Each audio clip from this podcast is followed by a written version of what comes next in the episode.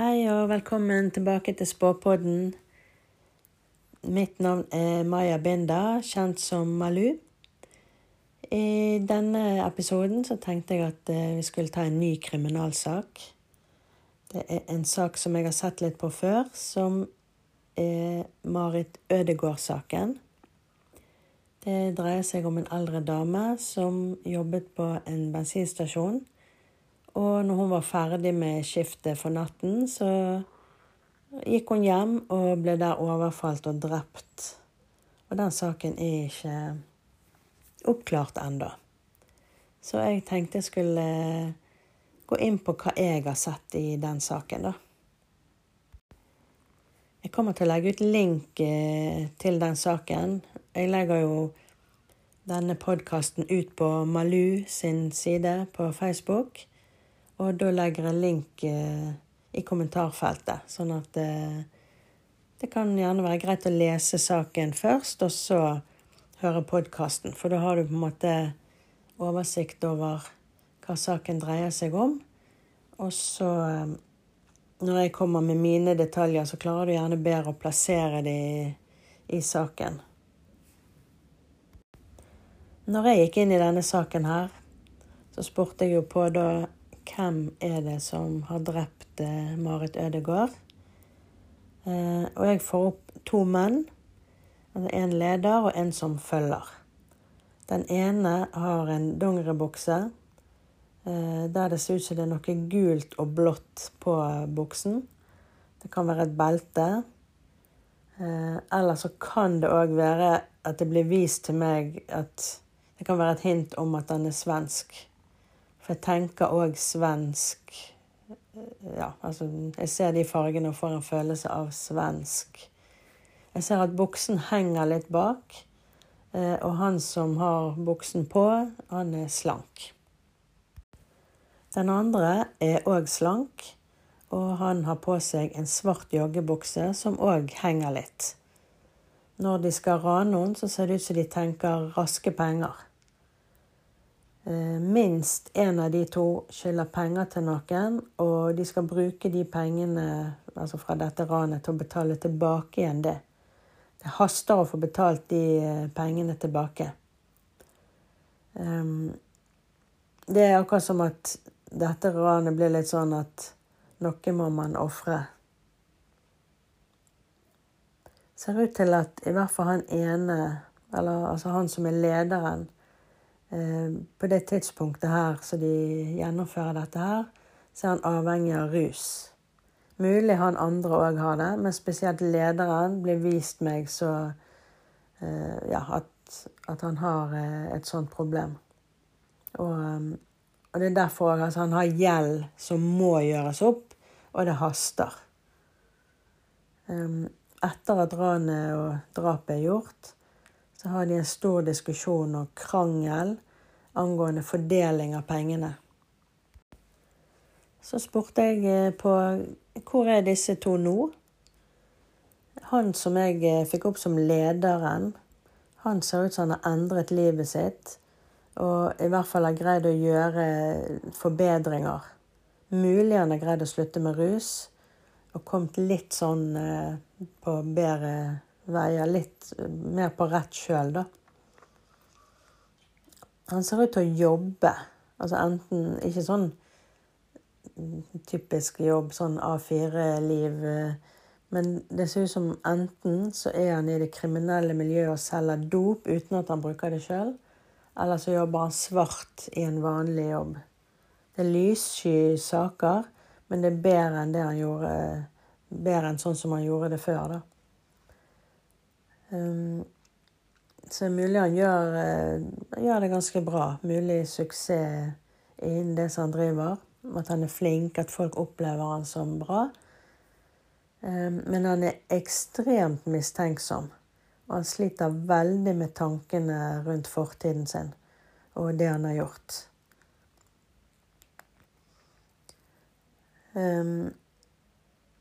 Hvis eh, han blir avslørt som en av de som sto bak dette ranet, så er det akkurat som folk tenker at OK, da falt brikkene på plass. Så han har antagelig Ja, altså han holder seg kanskje for seg sjøl, at folk kanskje opplever han som litt rar. Men de klarer ikke helt å sette fingeren på hva er det Altså hva er det med han, hva er det som gjør at han er sånn som han er. Men når dette kommer frem, så vil folk tenke å ja, hmm, da datt uh, brikkene på plass. Um, han medhjelperen, eller liksom han som var følgeren, da. Han som han har vært inn og ut av fengsel etter dette eh, drapet som skjedde. Han sliter veldig følelsesmessig. Um, men han, han har antagelig vært en sånn som sliter før òg. Han, kan ha, altså han kan ha både ADHD og andre ting eh, som preger han, og følelseslivet hans, psyken hans. Eh, at han har hatt litt problemer både før og etter dette her. Han har liksom alltid falt litt utenfor. Og han er sett på som en som ikke greier å gjennomføre ting. Det kan godt være han har masse planer og mye ting han skal gjøre, men det blir ikke gjennomført. Han lever sikkert mye oppi hodet. Nå ser det ut som at han er i fengsel. Og det er pga. vold eller drap. Altså Ja, så han er nok inni Ja, han har gjort dette før, og både før og etter, antagelig. Eh, hvis du spør folk som kjenner han, altså hvordan er han, så har han nok vært en sånn bråkmaker hele livet. Folk ser på han som en som ruser seg og slåss. Um, og så tenker de at Altså, han er en sånn som ruser seg og slåss, og det skjer alltid noe rundt han, og de tenker uhell skjer. Altså selvfølgelig, Uhellet skjer jo fordi at han er en sånn urokråke, og det alltid er noe. Eh, men det kan òg være den saken han sitter inne for nå. Det kan være der de tenker altså uhell kan skje. At eh, Ja, altså han er en sånn urokråke. Og i den situasjonen der så skjedde det et uhell som gjorde at eh, så, sant, At det var ikke planlagt. altså det er ikke han har ikke angrepet noen eller drept noen for at han planla det først og gjorde det. Men det ha, den saken han sitter for nå, er antagelig et uhell som har skjedd. Men selvfølgelig, det er jo en, noe som skjer ut ifra det livet som han lever. Sant? At han er har alltid vært en sånn urokråke. Så her ser det altså ut som at eh, den ene, altså lederen, han har fått litt skikk på livet sitt. Prøver å gjøre det beste ut av det, selv om han ikke er helt inni Ja, han gjør ikke det helt riktig, da. Kanskje har en svart jobb, eller jobber litt sånn her og der. Og, han blir jo litt på siden av samfunnet, selv om det ser ut som han har klart å bygge livet sitt litt eh, opp. Mens han andre han ser ut som han går i samme mønsteret som han alltid har gjort. At de er Ja, at han sitter i fengsel nå, da.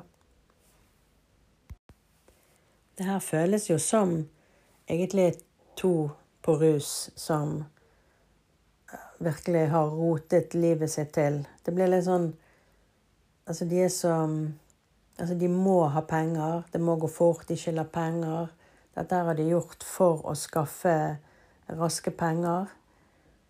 Eh, og den følelsen av at det er sånn noe med å ofres altså, De klarer ikke helt å sette seg inn i eh, det mennesket som de angriper, og egentlig tenke konsekvensen ut av det de gjør. Det er akkurat som de er så ja, inn i de har et mål, de må ha penger, det må gå fort. De er muligens ruset når de gjør dette her òg. Og det er bare sånn Ja. De, de, tenker sitt, seg og sitt. Dette må vi ha, vi må ha penger, vi må skynde oss. Og så gjennomfører de det og fyker av gårde. Det er sånn jeg eh, får de inn. Så det er nok eh, ja, det er mulig noen i rusmiljøet kan vite hvem de er. Sånn aldersmessig så føler jeg at de er sånn uh, rundt 30. Jeg tror ikke det er sånn veldig stor aldersforskjell mellom de to heller. Som, som et sted eh, altså ja, rundt 30 pluss minus. Maks et par år mellom de to.